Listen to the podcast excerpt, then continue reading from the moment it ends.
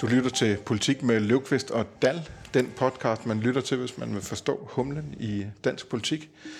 Dengang i en uh, sommerspecial udgave fra Andreas Stenbergs kontor.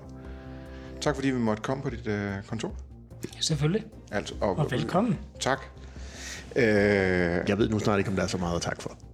nå, er det nu? Fordi, øh, ja, vi allerede så nu? Skal du allerede ja, nu i vi gang lige- med vi kan lige godt tage, vores vi, vi kan lige godt tage den up front. podcast-gæst? Vi, Andreas er jo øh, ihærdig lytter, og det er vi utrolig glade for. Andreas er også øh, stor ølentusiast. Det er vi også begejstrede for, og vi har faktisk haft en rimelig intens dialog om, hvilken øl vi skulle vælge til øh, den her podcast. Og jeg mener fuldstændig klart og tydeligt, at vi havde en, en, en soleklar aftale om, at Andreas han ville meget gerne drikke en øh, stor sort russer, som jeg mener, du har... Imperial har Russian Stout, ikke? Imperial Russian Down der. lige præcis. Midtfyns Bryghus fremragende. Yes, og jeg var af den fuldstændig klare overbevisning, at det var dig, Andreas Stenberg, der havde ansvaret for at levere den, mens at jeg så skulle øh, levere det, som du i øh, kalder øh, ribenaen, altså øh, saftevandet, der skulle få den her øh, store sorte russer til at glide ned. Og jeg har nu foran mig øh, fra Fanø Bryghus, den radikale højborg efter kommunalvalget sidste år, Fanø Havgus. Ja, det er så redningsøllen, ikke? Så. Ja, det er jo, det er jo, det er jo ribenaen. Det var det, jeg var i. Den fulde, faste overbevisning om, at jeg skulle levere. ja. Det, der kan få det til at glide ned. Og der må man bare sige, jeg forstår godt Socialdemokraterne. Altså, hvis man mener, man har lavet en klokkeklar aftale med en radikal, og det så viser sig, at de løber fra det. Det, det er ikke befordrende.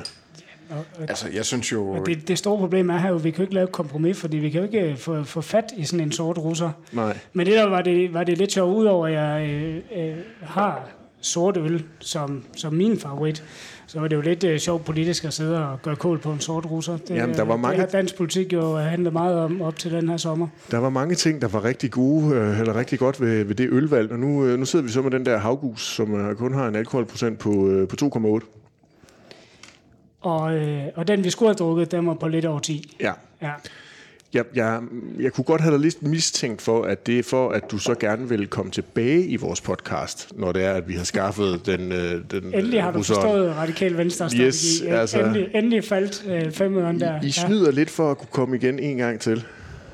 Nå, det var bare lige min galle. I hvert fald har vi en grund til at mødes igen, fordi Ja, ja, det I skal sige. have lov at smage den. Ja. Altså, man kan også... I virkeligheden synes jeg, at det er dig, der opfører dig mest som en radikal her. Ikke? Du snakker, og du snakker, og du snakker. men- Ansvarsfor lækker. Men der bliver ikke rigtig leveret. Øh, vi, skal have, vi skal i gang med at, at drikke Ja, den her øl, så vi også kan komme i gang med at snakke ja. om politik. Ikke? Der. Og vi har jo faktisk smagt den her, lige nøjagtigt den her havgus fra Fanø øh, Bryghus, før da vi havde din partiformand inde i podcasten, Sofie. Ja. Carsten Nielsen. Øh, var, det virkelig, det, var det den, vi drak? Det var nøjagtigt den samme. Session Der- IPA. der er den er en kun på 2,5 procent. Det, det, var, 2,8 det, procent. det, det, var en er det godt. det var en dejlig var frokost. rigtig godt. Ja. Stor bitterhed. Det var en Ja. dejlig frokostøl. Masser af humle øh, apropos introen. Ja. Det var en dejlig frokostøl dengang, og så har den jo en, en fantastisk tekst, som vi også læste op den her gang, og det kan du også godt få, Stenberg. Vejrfænomenet havgus kan på nogle minutter ændre dagen fra varm og sollys til kold og klam med tåge, der kommer blæsende ind over vestkysten. Som en radikal, der møder en socialdemokrat. Nemlig. Nå, hvis de... Øh, er dårlig energi, men okay, ja. Den, den smager godt. Kan vi, er kan vi, kan vi Det er en- komme det er en rigtig dejlig? Det var jo det er ribenaen. rigtig- Ja. Jeg forstår ikke det der ribena noget, men det var I øh, for, for, Det er for at fordi, I snakke videre drikker om. de der øl med en masse frugt i. Nå, det, ja. Altså, Okay, ikke. Ja. Det var ribena. Det, så siger vi det. Øh, som i den normale udgave af podcasten, så har, har vi også øh, tre emner i, i den her interview special. Øh, vi starter med at snakke øh, med tage udgangspunkt i dine personlige ambitioner. Øh, så skal vi snakke øh, bogstavleg, øh, yndet disciplin blandt øh, radikale. Øh, Og kommentatorer. Der er vi i samme båd, det, kan det, det, det, det kan man sige. Øh, og så skal vi snakke udlændingepolitik til sidst. Øh, det ved vi, at du øh, er glad for at snakke om. Hvis du er lige så analog som Kasper Løvqvist, så skal du abonnere på en af Jysfynske Mediers 14 regionale dagblade. Her får du også Avisen Danmark, hvor der er masser af politiske analyser og interviews. Skål. Ja, de, øh, vi skal starte med at tale om dig, og hvordan du personligt er i politik, og øh, hvad du tænker, din vej fremad kan være, og så videre. Men lad os lige starte med, hvornår blev du egentlig valgt i, i Folketinget første gang? 2011. Og øh, før det var jeg valgt til regionsrådet øh, i Midtjylland. Jeg var gymnasielærer, og så har jeg så også været i ungdomspolitik, været landsformand for Radikal Ungdom en periode. Så jeg har egentlig dybest set været med i Radikal Venstre i 20 år efterhånden. Ja. Så er det også snart ved at være tid nok, er det ikke det? Jeg tror, jeg, jeg tror, jeg kommer til at være med, indtil jeg ikke er her mere. Der, der skulle gerne være på år endnu. Som bekendt skal vi jo arbejde mange år. Du er jo... Øh, Og de radikale vil jo gerne have, at vi skal arbejde nogle flere år. ja. Du, du er kun øh, 38 år. Øh, der er... Øh, og har, som du siger, været i øh, radikale og politik i, i 20 år. Øh, men du siger, at det vil du være, til du dejser om. Også i øh, landspolitik. Ja, ikke nødvendigvis i politik, nu tænker jeg i, I, Radikale Radikale, Radikale Venstre, Venstre selvfølgelig. Ja. Jamen altså, det jeg brænder for, det er jo at, at få lavet reelle forandringer. Og jeg øh, plejer at sige, at min slogan er, let's make politics boring again. Og det lyder måske ikke som det super valgslogan, men det er fordi, jeg synes, der øh, går rigtig meget underholdningsindustri i, i politik, og rigtig meget overskrifter og signalpolitik. Men det, jeg brænder for, det er at komme ind og lave øh, reelle løsninger, også lave kompromiser og lave løsninger på nogle af de øh, store problemer. Altså være med, det lyder som lidt flot noget af det, der skriver historie, altså være, være med til noget, hvor man virkelig kan se, det, øh, det gjorde en forskel. Øh, og det, Det der er, sådan da, to... det, er, da- det er da ikke at gøre politik kedeligt. Det Nej, øh, men det er fordi, jeg synes, der øh, kan blive rigtig meget, der ikke handler om indholdet. Nu skal vi diskutere øh, flygtninge indvandrerpolitik øh, øh, senere, som, som, som jeg ser mere handler om nogle perceptioner, om nogle ting, og der er ikke særlig mange, der diskuterer de konkrete paragrafer. Og jeg tror, man kan løse øh, rigtig meget partierne imellem, hvis man prøver at blive enige om nogle ting, øh, man gerne vil have, have løst, altså nogle store problemer. Det kunne være klima, mangel på mennesker i økonomien, det kunne være en, som jeg vil kalde det, fornuftig regulering af indvandring og, og flygtningestrømmen til Danmark. Og så prøve at se, om man kan, kan finde løsninger. Hvis man tager udgangspunkt i, i øh, fakta, paragrafer og, øh, og løsninger, og hvad der virker, så kan det være, at det er lidt nemmere at få fundet hinanden, i stedet for at, ska- øh, at starte i nogle overskrifter og nogle kommunikationsspor, som jeg synes, øh, der er en tendens til. Så det er derfor, jeg kalder det Let's Make Politics Boring igen, fordi at det er det, jeg egentlig synes, det godt må være. Der må godt være mindre drama og mindre kommunikation og mere nogle mennesker, der sidder og prøver at, at finde nogle løsninger. Og Men dem, hvordan- der så har fokus på de der overskrifter og kommunikation, hvem er det? Er det alle andre end radikale? Nej, eller? de, de, kan, de kan findes i, øh, i alle partier, men det er også, at kommunikation fylder meget. Jeg tror, der blev lavet en opgørelse her. øh, Det var politikken, der havde den forsker i, der, der fortalte, hvor meget tid vi bruger på kommunikation. Og det er jo, det er jo nødvendigt, øh, sådan som det er med især sociale medier. Men jeg synes, det er vigtigt, og det er sådan min mission i politik også, at have nogen, der øh, interesserer sig for substansen og er villige til at sætte sig ned med, med kollegaer øh, bredt i Folketinget, både røde og blå, og se, om vi kan blive enige om nogle ting. Og hvis man så skal gå over i nogle af de ting, jeg brænder øh, meget for, det er især økonomi. Det var en af grundene til at blive radikal, sammen med udlændingepolitik, vi skal diskutere senere.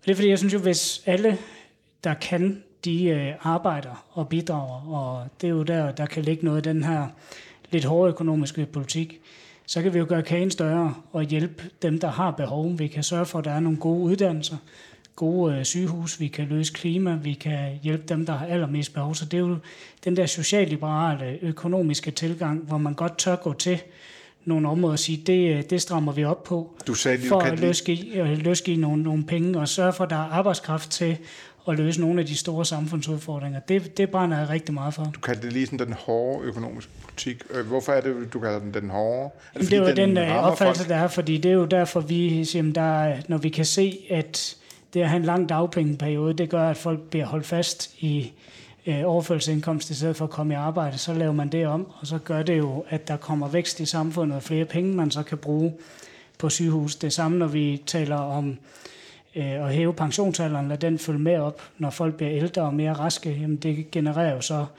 en øh, mængde penge i samfundet, vi så kan bruge på sygehusene, hvor der kommer, øh, kommer flere ældre. Det der med at ture og også finde løsningerne bredt her i Folketinget på, på de økonomiske udfordringer, vi står overfor, det, det brænder jeg utrolig meget for.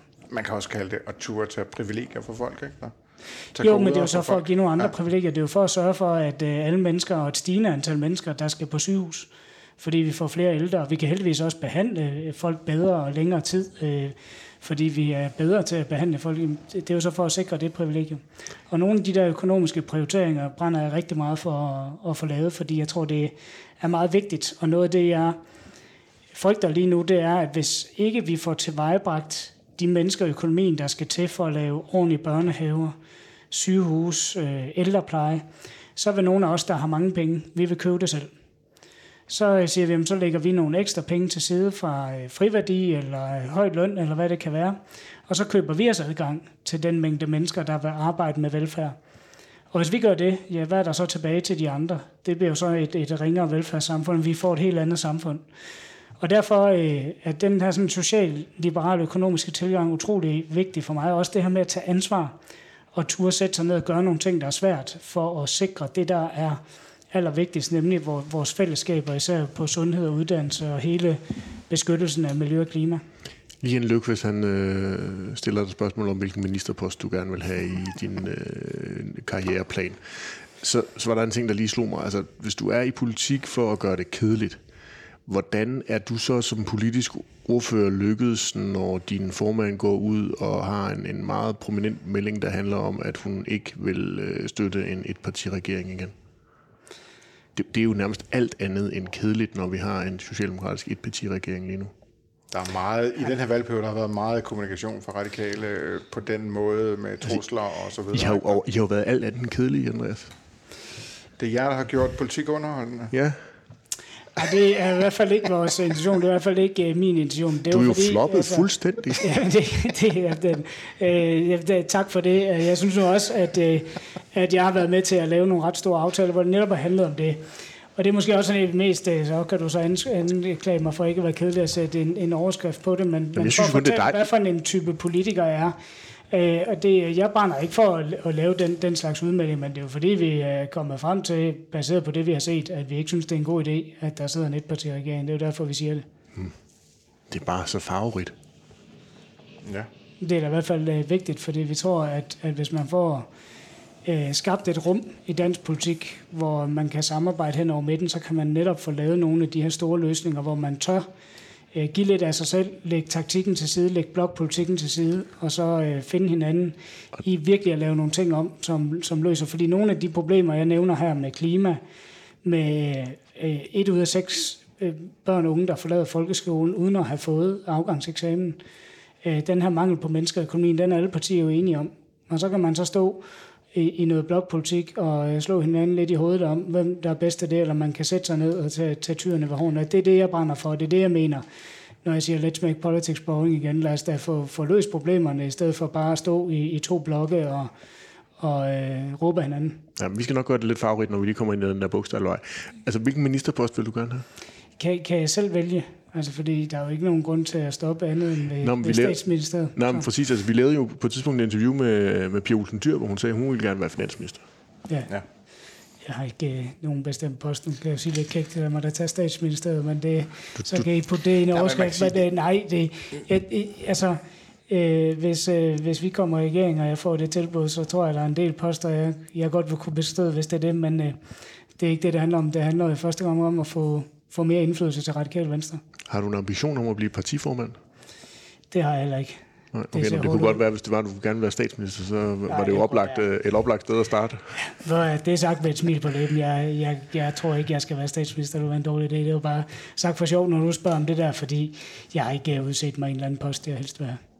Men, men, men det er jo rimeligt nok faktisk at snakke om ministerposter til radikale, ikke? Fordi når I siger, at I ikke vil have en etpartiregering, så er vi jo de fleste er i hvert fald nogenlunde enige om, at det handler om, at I ikke vil have en regering, som radikale ikke sidder i. Ja, det behøver, så, så, så, så langt, behøver, så godt, det, ikke? Det behøver det ikke være, fordi at det er klart, at, at den politik, der skal føres, den skal vi jo også kunne stå indenfor, ellers så skal vi jo ikke sidde i regeringen. Så det handler ikke om, I, I, I er sådan set tilfredse nok, hvis bare det er nogle andre partier, der sidder i en regering, der ikke er Det skal i hvert fald ikke være sådan en etparti-regering, og så må vi så se, så hvem, SF hvem for eksempel, det kan være godt nok. I princippet, jeg tror så ikke, det vil være en politik, vi vil kunne støtte. Hvorfor ikke det, når I kan støtte den, der er nu? Jeg tror, der er noget økonomisk politik og andet, vi vil, hvor vi vil kræve nogle ting. Så skal I jo bare lave et forståelsespapir, som I har gjort med, med den nuværende regering, ikke?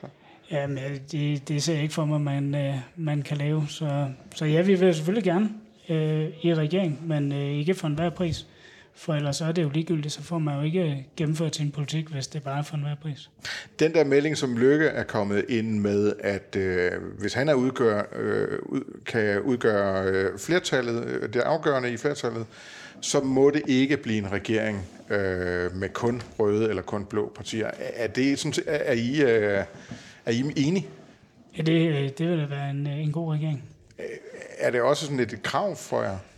Ja, det vil på, på, på linje med lykkes? Det, det vil eller? vi jo øh, formulere ind i et valg lige præcis, hvordan vores krav bliver, men vi synes, det er en uh, god tanke, hvis man kunne lave sådan en, en regering, og i hvert fald minimum en regering, der, der søger den type samarbejder, fordi uh, som socialliberal igen, så, uh, så har jeg, er det jo VK og Socialdemokratiet, jeg er mest enig med, så det er jo der, jeg synes, kompromiserne bliver bedst. Og det, det vil da være godt at have en regering med de partier og med, med lykke, hvis øh, de kommer ind, øh, og med jer selv for den sags skyld, hvis man kan blive enige om at lave nogle forandringer også. Altså det skal jo ikke bare være for at, at lave den regering. Det, det skal jo være et regeringsprogram, der vil løse nogle af udfordringerne med klima, miljø, en flygtninge- indvandrerpolitik, jeg synes, der har, har tabt sin mening med økonomien, hvor der både er inflation og mangel på mennesker i økonomien, og så det her med folkeskolen med, at der er så mange, som ikke får basale kompetencer, altså 15 procent, en ud af seks, som jo så får et helt liv i øh, ydelsessystemet og øh, har ikke noget godt at være i dit liv. Det, det, det skal vi altså kunne, øh, kunne løse, og det tror jeg, at de partier vil kunne løse sammen. Og det er derfor, at, at jeg synes, det er, en, det er en god tanke, Lykke er kommet med. Øhm, og Mette Frederiksen, der jo også øh, går lidt den vej. Ja.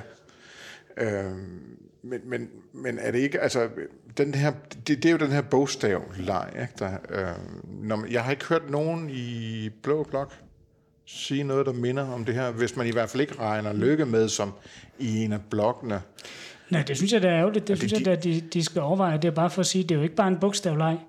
Det er jo fordi, når jeg nævner de her store udfordringer med, med alle de her børn, der mistrives og ikke får kompetencer nok, og problemer med økonomien og vores øh, store udfordringer med miljø og klima, så tror jeg på, at de partier vil kunne løse det. Hvis, hvis man vil og tør øh, skabe det rum, hvor man giver noget af sig selv og lægger taktikken væk. Man prøver at sige, lad os nu få, få lavet de løsninger. Så de noget af det, der er allervigtigst ved vores økonomi lige nu, det er jo den velfærdsaftale, som den hedder, der blev lavet i 2006, hvor man valgte at hæve pensionsalderen, når levealderen stiger. Og det var jo den daværende VK-regering og øh, SR. Måske der tror jeg, der var flere partier med, men i hvert fald i den der brede konstellation. Det er en af de allermest afgørende aftaler for, at vi trods alt, jeg ved godt, der er mange, der synes, der skal mere, men at vi trods alt har kunne løfte velfærden de, de sidste mange år. Og det er jo sådan nogle aftaler, jeg gerne vil have mere af. Og en aftale, der blev indgået inden for rammerne af det, vi traditionelt kalder blokpolitik. En blå regering med en rød opposition. Det fungerede dengang. Ja, men man valgte jo så at gå sammen på tværs af blokken og lave en aftale, i stedet for at stå i sin blok, og det er nok egentlig ja, det vigtigste. det gør man jo. Øh, hvorfor er det så så vigtigt at snakke om, at tingene skal være anderledes? Når... Jamen, jeg synes, man har øh, gjort det for lidt øh, de seneste år. Altså, man laver masser af aftaler, men det er ikke aftaler, der har løst nogle af de grundlæggende problemer tilstrækkeligt. Du tager den seneste sundhedsaftale, hvor Peter Velblom fra Enhedslisten kalder det en lille brud. Altså, den er jo så lavet med alle de her partier, men den, den, den løser ikke sundhedsvæsenets grundlæggende problemer. Så, er... så det handler ikke bare om, at de partier skal gå sammen. Det handler selvfølgelig også om, at de går sammen om at tage tyrene ved hårene og løse nogle af samfundets store udfordringer, og ikke bare øh, stå i. Så det er ikke bare bogstavligt. Det er fordi, vi tror på, at et samarbejde blandt de partier kan flytte Danmark. Og så er vi lidt tilbage til, til Let's Make Politics Boring igen. Altså hvis man kunne sætte sig ned og sige, godt, vi er alle sammen enige om, at der mangler mennesker i økonomien. Der mangler folk til at være pædagoger, og der mangler folk til at være sygeplejersker, og det ene og det andet. Lad os nu sætte os ned og se, øh, hvad har I af løsninger, hvad har I af løsninger, og så se, om, om man kan, kan lave noget sammen, som så til sammen kan, kan være med til at løse de udfordringer. Det er det, jeg brænder for. Men, men som jeg hørte, så er der ikke nogen af de der udfordringer, som sådan er decideret nye, og som er kommet bag på nogen i den her valgperiode. Hvorfor går man så ikke ind til øh, forhandlingerne om forståelsespapiret, som danner grundlaget for regeringen, og siger, vi vil kun øh, bakke op om en regering, som løser de her problemer? Hvorfor gjorde I ikke det sidst? Jamen, øh, det, det gjorde vi også, men det var så en, netop en, en forhandling, der foregik med enhedslisten, som jo ikke deler øh, analysen af, at der mangler mennesker i økonomien, for eksempel. Og det er jo derfor, at det kunne være interessant at få et, øh, et samarbejde hen over midten, fordi jeg tror, at de, de partier, øh, VK, SR, SF, Liberale Alliance, Moderater og forskellige partier der omkring midten, vil kunne løse det her sammen. Men jeg tror ikke på, at det kan løses med, med yderfløjene. Er yderfløjene et problem i dansk politik? Nej, fordi øh, de, øh, de, du får mig ikke til at sige, at det er et problem, fordi de er jo selvfølgelig valgt af nogen og, og står på nogle dagsordner, men jeg tror på, at hvis man skal lave øh, gennemgribende forandringer, så, øh, så skal det centreres omkring midten. Men er det ikke sådan lidt udemokratisk at sige, at der er nogen, man ikke øh, ønsker at lave forlig med, fordi man mener, at det bliver dårlige jeg aftaler, når de er med? Jeg ønsker godt at lave forlig med, men jeg kunne godt tænke mig, at der kom nogle øh, flere store aftaler hen over midten, fordi jeg kan se gennem øh, dansk historie, nu nævnte jeg velfærdsaftalen fra 6, man kan tage kanslergade for livet, indførelse af socialsikring, alt muligt gennem Danmarks historie, der er det, der er det når det er sket hen over midten. Jamen, og det nationale sikkerhedskompromis og nogle af de mange klimaaftaler, der er lavet, vil jo også komme, være med til at definere Danmark i, i mange år frem. De er jo også lavet hen over øh, midten, men med en socialdemokratisk etpartiregering, der sad for bordenden. Hvorfor, hvorfor er det, det ikke fungerer? I din, jeg i, synes, der i, i din stadig optik. er nogle, øh, nogle store udfordringer, vi ikke har øh, fået løst. Altså, Men tror, synes, du, tror du virkelig ikke på, nu for eksempel mistrivsel vil du nok sige, som en af de ting, du, du, du ikke synes er, er, er, er løst. Tror du virkelig ikke på, at hvis nu øh, I gik ned og satte foden i døren med Mette Frederiksen og sagde, Mette, nu skal der simpelthen være en af dine ministre, du kan selv vælge, hvem der skal tage det her problem alvorligt. Tror du så ikke, at der ville kunne laves en aftale hen over midten? Det tror jeg godt, men jeg tror også, at det, det er jo fordi, det er folkeskole, vi taler om, er noget, der tager øh, 10-15 år, før du ser resultatet af. Så det skal jo være noget, der skal være øh, forankret, uanset hvem der er i, er i regering, og det skal være en, en løbende indsats, fordi der er så mange unge, der mistrives, og så mange unge, der går ud af folkeskolen uden basale kompetencer i at kunne klare sig selv og få et godt og værdigt liv, så kræver det altså en, en meget stor indsats, og ikke bare lige en aftale, hvor man skriver noget om det. Og jeg tror, at øh, man ved at have det samarbejde hen over midten, kan få lavet øh, de løsninger, der skal til, både på økonomi, på øh, børn og unges mistrivsel, også på, øh, på klima. Øh, det er jo fordi, jeg er socialliberal og tror på, at det er mellem det liberale og det sociale, at vi får fundet de, de rigtige løsninger. Men tror du ikke, enhedslisten eller Nye Borgerlige har nogle idéer til, hvordan man kunne øh, minimere mistrivselen? Jo, og det er også fordi, jeg ikke siger, at de slet ikke må være med. Jeg øh, ser bare for mig, at de bedste løsninger bliver fundet hen over midten. Det har de gjort langt øh, gennem Danmarks historie, og det kan man også se i den her valgperiode, det nogle, og det vil jeg gerne have, nogle... have mere af, fordi vi står overfor, især på vores økonomi, og på om vi har arbejdskraft nok til at kunne levere den velfærd, vi forventer. Så det er nogle dårlige øh, løsninger, eller nogle dårlige aftaler, når enhedslisten eller Nye Borgerlige er med? Ikke, ikke nødvendigvis, der er lavet gode aftaler, hvor de er med. Jeg tror bare, at hvis vi virkelig skal tage tyrene ved hårene og få løst samfundets store udfordringer, så er det ikke med blokpolitik, men så er det med samarbejde hen over midten. Men der er jo også lavet meget samarbejde hen over midten de sidste tre år. Men er der blevet, er der blevet lavet færre øh, samarbejder hen over midten, fordi vi har haft en etpartiregering? Jeg synes i hvert fald, at øh, man ikke har fået løst de grundlæggende udfordringer. Fordi jeg synes, øh, øh, den her regering har lagt sig i hvert fald indtil de sidste års tid for langt til venstre på økonomien, og så øh, er det, har det været for fodslæbende med, med klima. Øh, jeg synes heller ikke, vi har fået lavet noget til bundskående på vores, øh, vores folkeskole. Så jeg tror på, at øh, der har været mange gode aftaler. Det er slet ikke, fordi jeg sidder og siger, at der kun er lavet dårlige ting øh, de sidste tre år, men, men jeg tror, hvis der virkelig skal ske noget, så skal man have skabt de der samarbejder hen over midten. Men, men, men når jeg så øh, fast besluttet på, at den model, vi har haft i den her regeringsperiode, den må ikke fortsætte. Altså, så, så må det jo være ud fra en analyse af, at den har spillet for lidt, den her model, at den simpelthen ikke duer. Nej, det, det altså, bruger slet ikke den form for retorik. Det, det, jeg tror bare, at vi kan gøre det endnu bedre og få øh, lavet endnu mere. Øh, det, den her periode har så også været karakteriseret ved corona, det, det anerkender jeg, men, men der er stadig nogle store udfordringer, især på vores økonomi, og jeg er øh, dybt bekymret for, at vi får et samfund, hvor os, der har penge, vi køber så adgang til den gode velfærd, mens dem, der ikke har penge, de får øh, så ikke noget. Hvis ikke vi får gjort noget ved økonomien, og især det her med, at der mangler mennesker til at lave velfærd, så er jeg bange for, at vi får en anden model. Og der skubber vi altså problem foran os. De sidste syv år har man kun én gang for alvor øget beskæftigelsen i Danmark. Det var den aftale, vi lavede i januar, hvor øh, Socialdemokraterne så øh, bevæget på sig, og det, øh, det anerkender jeg, men, men i de sidste syv år har man stået fast i nogle taktiske positioner, i stedet for at sige, nu lægger vi altså lige det, det rene partiegoistiske væk i, i en periode, så lige for at lave nogle aftaler. Det har man gjort for lidt de sidste syv år. Det håber jeg, at det folketingsvalg, vi jo skal have inden for et års tid, kan lede frem til, at vi kan få en, øh, et samarbejde hen over midten, hvor man kan få gjort noget ved de ting. For ellers så øh, tror jeg, at øh, det meget hurtigt kan blive for sent, fordi med de udfordringer, vores velfærdssamfund står overfor, så, øh, så skal der altså ske noget. Andreas Stenberg, du siger, du er bekymret for økonomi. Hvem har været med til at lave finanslov de sidste tre år? Det har vi. Men hvis du er så bekymret, hvordan kan det så være, at I har været med til at lave finanslov? Ja, vi har også Så skulle, I vel, så skulle I vel have sagt, Ja, stop, men er stop, stop, stop, Det er stop, netop Nikolaj fordi, at øh, der ikke er lavet øh, finanslov hen over midten. Og så er der så lavet en Vi øh, sagde- vi De kunne da have stoppet det. De kunne da have stoppet ham.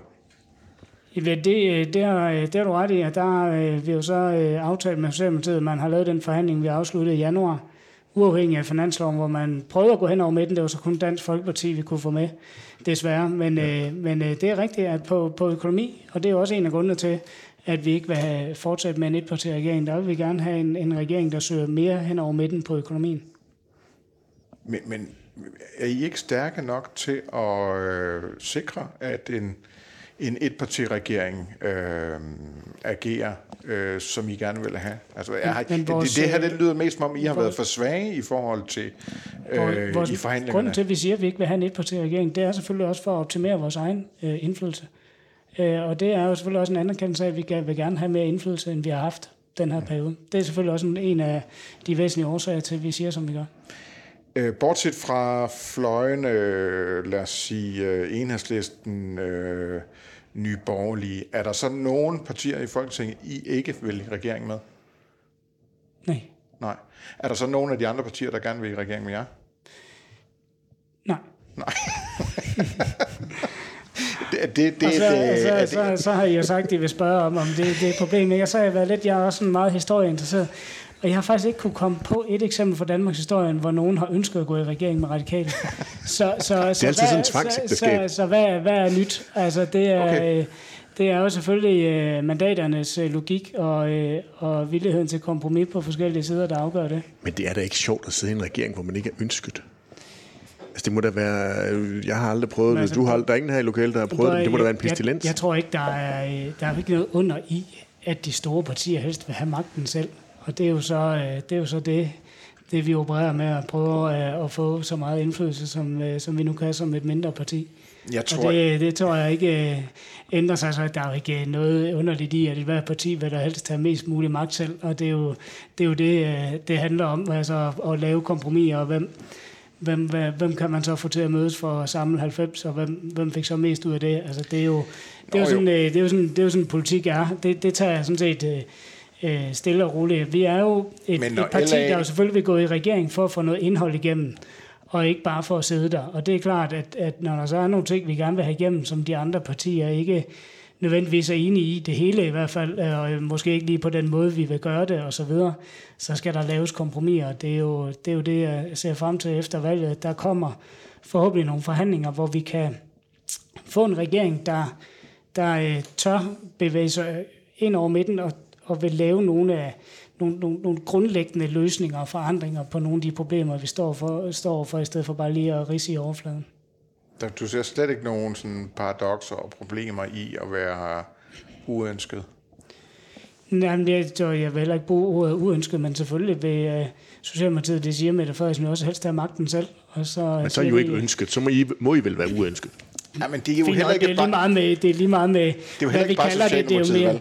Altså, det er alle de andre, de bryder som, sig ikke Som om sagt, altså, er, der noget, er der noget nyt i, at øh, Venstre og Socialdemokratiet helst vil have magten selv?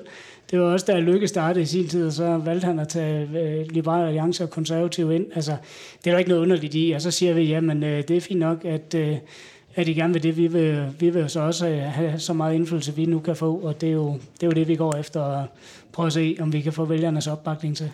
Men hvad er det, der gør, at øh, radikale har jo øh, lang regeringstradition? Øhm, og, og, og som du siger, I, men I har til gengæld aldrig været ønsket. Ja, det, det, I, det, det har, de andre partier har aldrig øh, af egen kraft gerne ville have ham med.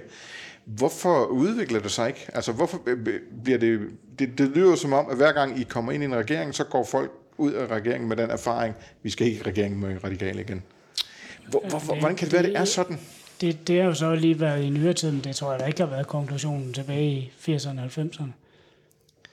Nej, hvad, hvad, hvad, øh, så, hvorfor er det så sådan i nyere tid?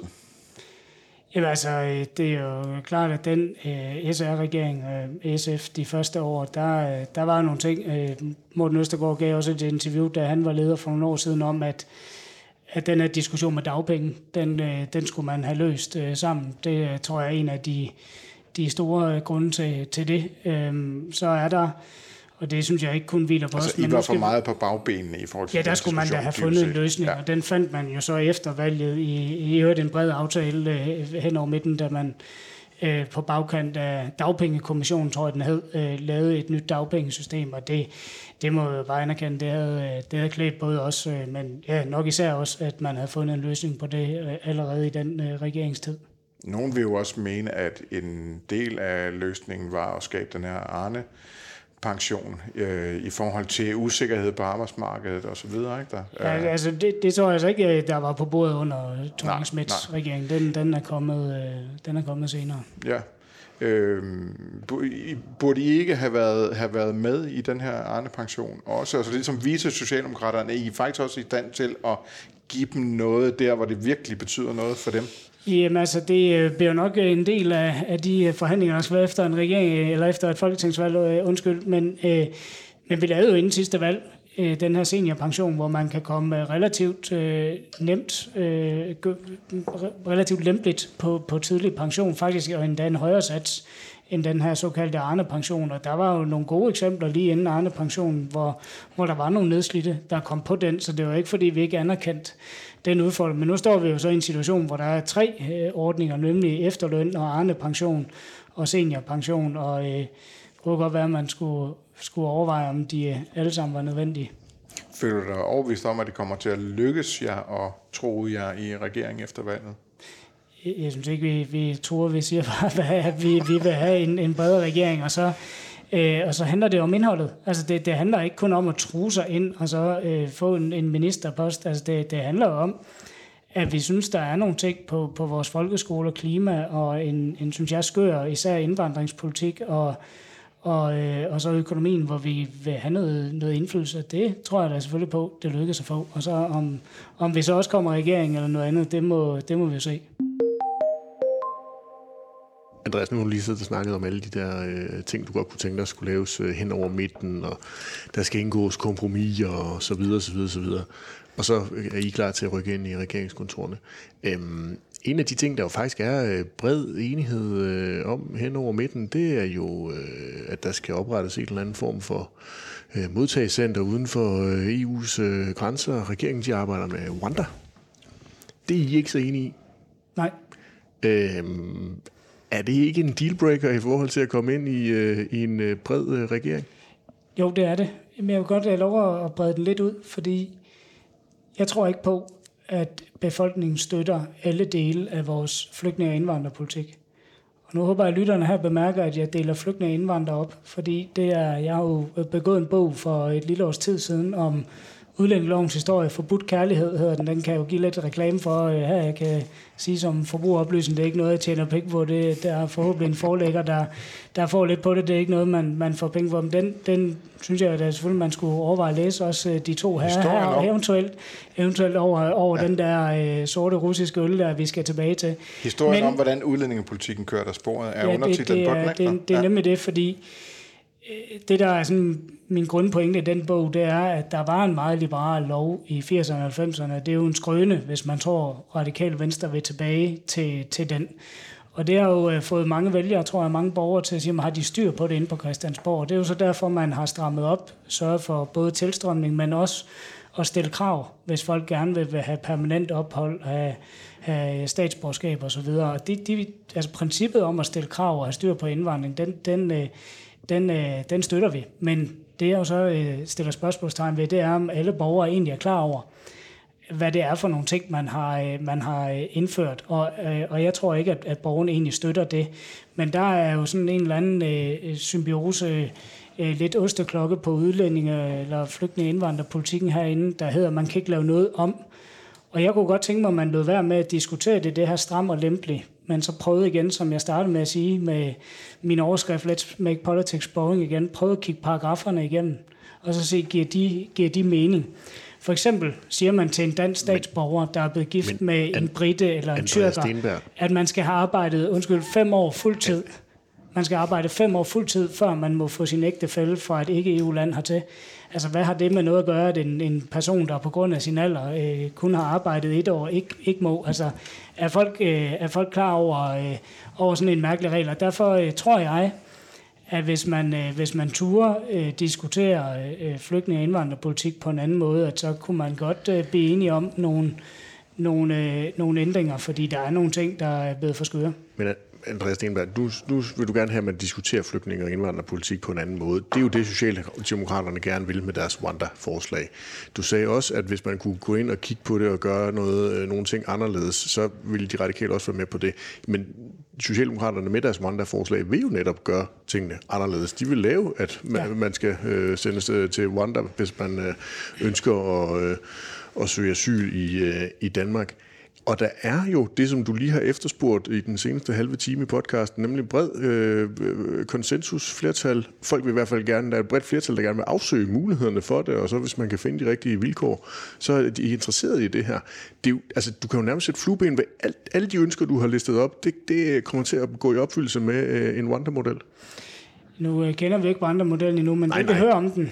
Og jeg, det er bare fordi, jeg, jeg, jo- jeg er jo enig i, at det asylsystem, vi har i verden i dag, det er hverken særlig retfærdigt, og det er hæsligt at se på det, der foregår hen over Middelhavet, og det er også helt sikkert sådan, at det er nogle af de allerstærkeste, der kan, der kan finde ud af at komme hen til en europæisk grænse og søge asyl, som så er dem, der får asyl, hvorimod de svageste, de, de får det ikke.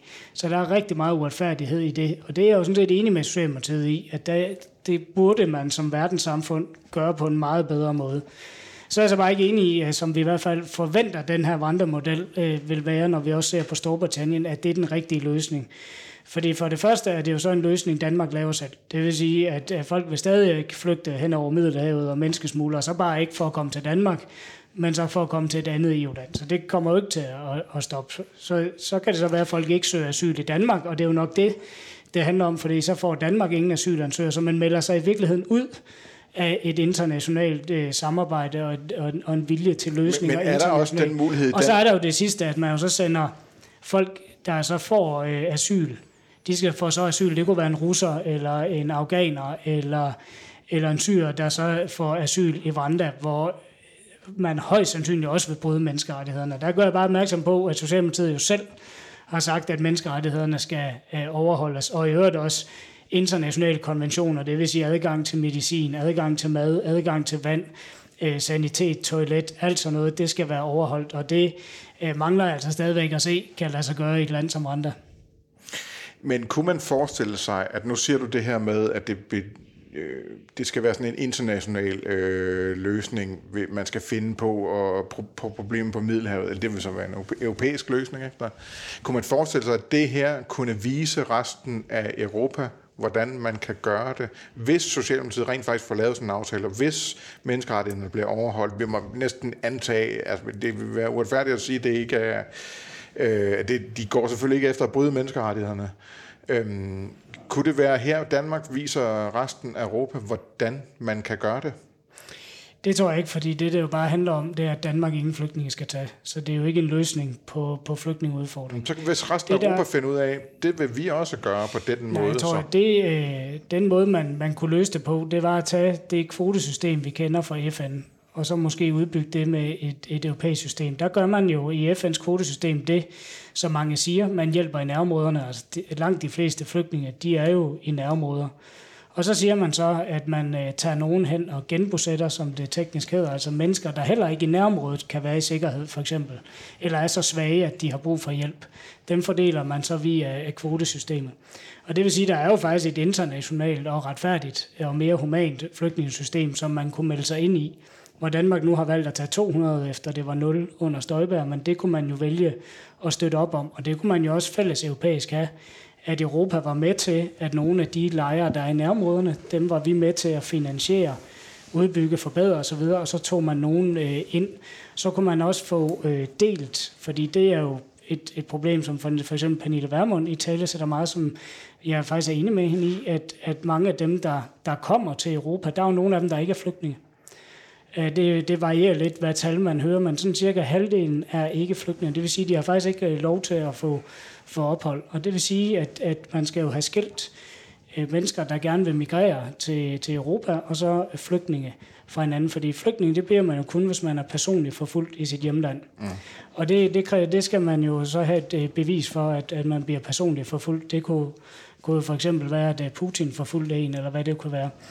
Og de, øh, det kunne man jo så forskelligt ad i nogle, nogle, øh, nogle europæisk baserede lejre i nærområder. Så kunne man jo tage nogen ind øh, hver eneste år i, EU. Det vil være en, en fornuftig løsning, som vi foreslog for en del år siden. Men det er jo bare ikke det, som Socialdemokratiet vil. De vil jo lave en løsning, hvor folk skal sendes til Rwanda fra hele verden, øh, og så får man asyl der. Og det, det er svært ved at se øh, løser noget sådan på global plan, og jeg tror heller ikke øh, et sekund på, at Rwanda vil behandle de mennesker ordentligt.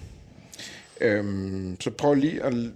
Øh, de der de internationale løsninger, eller EU-løsninger, det handler dybest set også om ligesom at øhm, få skabt nogle grænser på den ene eller anden måde for e-, Europa samlet. Ikke? Der. Og så det her med at bygge mure og hegn om øh, Europa, man kunne kalde det Fort Europa, er det den rigtige politik? Hvis man med det mener, at man selvfølgelig har, øh, har styr på, hvem der kommer ind over grænsen, og man tager nogle flygtninge, så, øh, så ja. Men det, der jo foregår med, med Fort Europa, i hvert fald inden nu det her Ukraine, det er jo, at man, man sørger for, at folk ikke kan søge asyl. Og at, at folk slet ikke kan komme ind i et fort, er jo noget, der, der skyder på andre. Men, men altså, man skal jo selvfølgelig sørge for, at der ikke, man ikke bare kan vade ind og ud af, af EU, men der skal jo så være nogle steder, hvor man kan, kan søge asyl øh, og, øh, og få det, hvis man er berettet til det. Jamen, altså, men den her model med kvoteflygtninge, hvordan stopper det så trafikken hen over Middelhavet? Jamen, det, det, det øh, kommer man nok aldrig til helt at, øh, at undgå, men altså, man kunne jo øh, hjælpe de nordafrikanske lande med at, at, at, at stoppe det, men det vil jo så også kræve, at dem, der er reelle flygtninge, kan få mulighed for at komme, komme i sikkerhed i, i Europa. Og det er jo der, det jeg taler om, adskiller sig fra Rwanda, fordi Rwanda handler om, at ingen skal til Danmark. Ja. Du virker ikke helt til at, at forstå det. Det er også lidt kompliceret. Det er Nej. Men, men så kunne man også diskutere, altså jeg vil jo gerne dele op i asylpolitik og indvandrerpolitik. Og jeg, øh, især på mine sociale medier, fortæller jo den ene historie efter den anden på, ja. på udlænding, der bliver, der bliver udvist af noget, hvor jeg er ret sikker på, at store dele af befolkningen, der synes, det er mærkeligt. Altså en, en person, der har været her i seks år og arbejdet, og så lige pludselig bliver, bliver udvist øh, danske statsborgere, cirka to hver dag, der får besked på, selvom de kan forsørge sig og aldrig har været et problem, så kan de ikke få lov at bo med en ægtefælde uden for EU. Og det, det, det er noget andet, og det er jo der, hvor jeg godt kunne tænke mig, at vi diskuterede øh, det udlændinge mere, øh, som jeg siger, let's make politics boring igen, i stedet for at putte alle udlændinge i en kasse og sige, at vi har øh, flygtninge, der, har vi, der vil jeg synes, Danmark skal tage sin del af ansvaret. Det kan vi så diskutere frem og tilbage, men det er jo noget andet end mennesker, der kommer øh, for kærlighed, eller mennesker, der kommer i, øh, for at arbejde. Og så noget helt andet, det er jo så dem, der er her i forvejen. Hvorfor de lige pludselig efter en, en årrække, hvor de er blevet integreret, skal, skal sendes et andet sted hen, når virksomheder og alle mulige står og siger, hvorfor vi vil jo gerne beholde den her person. Men den udvikling, som udlændingepolitikken har været igennem de seneste øh, 10 år måske, er det så i virkeligheden ikke din hedeste drøm, der er gået i opfyldelse der? Fordi det er jo blevet kedeligt. Der er jo konsensus om den her såkaldte stramme udlændingepolitik. Jamen det tror jeg ikke, der er, fordi der er konsensus om nogle perceptioner. Altså det, der forstår mig allermest ved udlændebatten, det er, at enten er, øh, er du racist, eller så er du naiv landsforræder. Og det vil sige, at sådan en debat der, den betyder jo, at der er ingen, der forholder sig til substansen.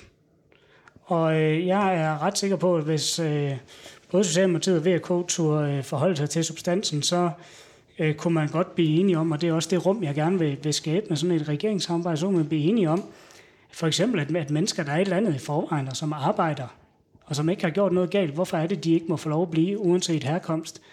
Danske statsborgere, man skal for at kunne søge familiesamføring under, under den paragraf, så skal man være statsborger, eller leve op til de nuværende regler for permanent ophold. Det vil sige, at man har lavet en trakt, når man så lige tager i mente, hvor svært det er at blive statsborger, som jo egentlig gør, at, øh, at de her mennesker, de er godt integreret i ægtefælde. Det kan man også se på tallene. Så hvorfor er det, at man fastholder, at, øh, at alle øh, nye borgere skal puttes i samme bås, når man kan se, at der er en verden til forskel, man kommer med et arbejde i hånden, eller med et ægteskabsbevis, eller kommer, fordi man bare godt kunne tænke sig at bo i Danmark i stedet for et andet land. Altså de ting må vi jo kunne, kunne adskille, øh, og så lave noget, noget fornuftigt, i stedet for at starte i de der faste positioner, som jeg synes udlændingedebatten gør. Da Anders Samuelsen han blev øh, udenrigsminister, så tror jeg, han sagde noget med, at han var den bedst forberedte udenrigsminister, og det blev så konklusionen på, at han så var den bedst, øh, mest kompetente udenrigsminister, Danmark ja. nogensinde har haft. Hvis du nu skulle blive udlænding- og integrationsminister i sådan en øh, SRV-SF-regering, vil du så ikke være den mest øh, kompetente udlænding- og integrationsminister, Danmark nogensinde har haft? Det det tror jeg ikke, men øh, det er rigtigt. Jeg vil da mene, at jeg har sat mig en del ind i paragraferne. Jeg har som sagt skrevet en hel bog om det, så, så lidt ved jeg det om det, vil jeg påstå. Hvad, hvad vil egentlig din hedeste drøm, udover det selvfølgelig skal være virkelig, virkelig kedeligt? Øh, hvad vil det så egentlig være på... Jeg kan se, at jeg får sat en, en, en præmis, der, ja. Hvad vil det så egentlig være på, på udlændinge- og, og integrationsområdet? Er det, at man simpelthen bare droppet al lovgivning, ligesom der er rigtig mange, der har lyst til med beskæftigelsesområdet, der bare nej, brænde det hele og så starte forfra? Eller hvad skal man egentlig gøre så? Jamen altså... Øh, jeg helt synes, konkret, hvor, hvor skal man gå hen? Jeg synes, at vi skal starte med at tage en debat om forskellige øh, udlændingegrupper hver for sig. Og så burde man lave, øh, lave forskellige regler, fordi øh, jeg synes jo, at danske statsborgere, der kan forsørge sig selv, de, de skal have lov at bo med en ægtefælde. Så synes jeg, det er helt rimeligt, at man stiller krav om, at ægtefælden skal integrere sig, og man skal forsørge sig selv, når man er kommet. Så det er jo sådan, det er jo sådan et område. Så har du folk, der kommer som arbejdskraft, Øh, der er det jo klart, det, der er det jo arbejdet, der gør, om man må blive, og det er jo også klart, at i alle tilfælde, hvis man begår kriminalitet, så bliver man udvist. Så har vi flygtninge. Det er klart, der, der skal man have et regelsæt, øh, og der skal man jo følge international ret, at, at man bliver flygtning og får flygtningestatus, hvis man er forfulgt og ikke kan bo i sit hjemland. Men skal der for eksempel i din verden være en beløbsgrænse overhovedet for udenlandsk arbejdskraft? Ja, ja det, det, det synes jeg, fordi at vi skal jo sørge for, at overenskomsterne bliver overholdt, så man ikke bare kan, kan give folk 10 kroner i timen eller et eller andet øh, absurd, og så kan folk komme ind der. Så det er ikke et eller andet byråkratisk monster? Så det skal i hvert fald være øh, et reelt arbejde. Ja, så det er ikke et eller andet byråkratisk monster, der bare er sat op for at holde nogen ude af landet? Nej, altså det er jo for at sige, at det, det skal være et reelt arbejde, man kommer ind for at tage. Det skal der selvfølgelig være kontrol af. Det her med, at der ikke er nogen andre partier, der vil øh, have jer med i en regering. I nyere tid i hvert fald, så har det primært handlet om, at de er alle sammen øh, skræmte ved tanken om, at I skal få indflydelse på udlændingepolitikken. Øhm, kunne man forestille sig, at øh, kunne det være en, en strategi for radikale venstre at sige, okay, øh, vi, nu, vi dropper simpelthen bare at have holdninger på udlændingepolitikken, fordi det holder os uden for magt og indflydelse. Øh, nu lægger vi det fra os, ligesom øh, dengang I lagde øh, jeres NATO-modstand fra jer, for at blive en del af, af magten. Øh, er, det, er det overhovedet en mulighed for jer, eller vil I blive ved med at kæmpe for at få lavet... Øh, øh nu, du kan ikke lide det der med strammer og lempelser, men man får lavet sådan små lempelser og hister her. Øh, det er, ikke, er det ikke en mulighed for jer at, at opgive det? Du spørger, om det kunne være en mulighed, og om det kunne være en strategi, og det kan selvfølgelig være en mulighed og en strategi, ja. men så er vi jo bare ikke radikale venstre mere, fordi øh, det handler om, om hvilke værdier øh, vi står på øh, som parti, så derfor kommer vi jo Gjorde ikke jeres til... NATO-modstand i virkeligheden ikke også det? Den droppede jo først, i var det 87-88 for at komme i regering med Støtter. Nej, det, det, øh, nu kan man så sige, at jeg var øh, fire år dengang, så måske den helt, lidt, lidt øh, forkert at spørge om, hvad der, hvad der skete med, med NATO der i 4 eller 88. Men, men som jeg læser historien på det, så er det jo, om NATO var et middel til at, at sikre en fredfyldt verden, eller om man mente, det var øh, en, øh, en, en organisation, der var med til at, at skabe det. Mm. Og der, øh, der er jo sket det, jeg tror også, Niels Helve, nu afdøde Niels Helve i sin, sin egen øh, øh, biografi, eller i hvert fald nogle interviews har sagt, at han jo sådan set forlod fodnoterne øh, i løbet af 80'erne, især i 90'erne. Altså, altså der, hvor, hvor vi var i, i, imod NATO, imod militær anvendelse, fordi vi kunne se, at det kunne være nødvendigt Niels Helve var jo med som udenrigsminister til at lave en NATO-aktion i, mm. i det gamle Jugoslavien, og det var jo sådan et nybrud, der ligesom fuldendt det der. Så der er simpelthen sket et skifte i... Nogen ville dengang sige, at det kunne I ikke gøre og stadigvæk være radikale venstre, men det kunne I godt. Ja, og det er jo øh, fordi pacifisme så står sammen med for eksempel det, vi jo også øh, kæmper for, når vi taler udlænd med, med menneskerettigheder og, og hvordan øh, verden udvikler sig. Der, øh, går der, en, en, der var jo et folkedrab i Eksjugoslavien, som jo gjorde den. Så det må vi jo gå ind og stoppe, og så kan det ikke nytte noget at være pacifist. Så der, øh, der, er, jo, der er jo sket en ændring. Og, og på udlændingeområdet, altså der i modsætning til, hvad folk gerne vil tale os hen til, så mener vi jo, der godt må være regler. Altså der, der, man, selvfølgelig skal man integrere sig for at få statsborgerskab, i modsætning til, hvad politikken var i 80'erne. Det er så bare ikke sikkert, at alle de regler, der er lavet for statsborgerskab, at vi, vi synes, de er lige fornuftige. For eksempel kræver man nu, at folk, der er født her, når de bliver 18, så skal de have 3,5 års fuldtidsbeskæftigelse for at kunne blive statsborger i det land, de er født i.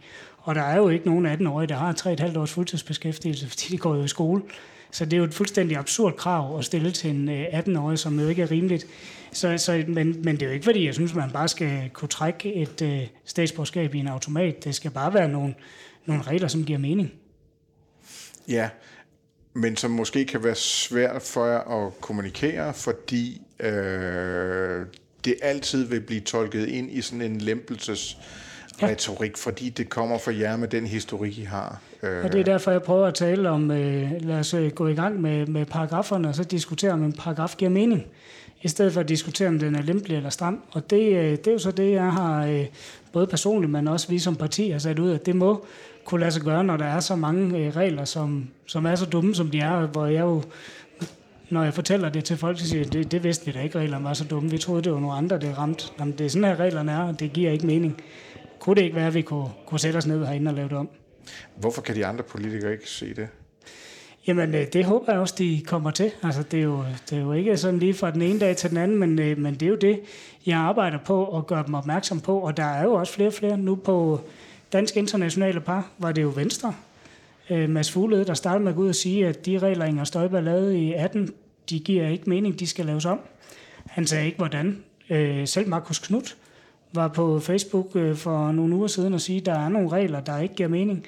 Så jeg tror på, at, øh, at øh, de mange, mange eksempler på helt meningsløse udvisninger danskere, der bliver ramt, og velintegrerede udlændinge, der bliver ramt og skal sendes øh, tilbage, øh, det, øh, det tror jeg på kan være med til at, at vende bøtten, fordi vi må kunne lave en meningsfuld, sund fornuftregulering af, af indvandring, hvor folk godt må komme af, af kærlighed for at arbejde, og hvor vi så på asylområdet beslutter os for sammen med andre lande i verden at tage en eller anden andel, men jo heller ikke øh, lukke hele verden ind.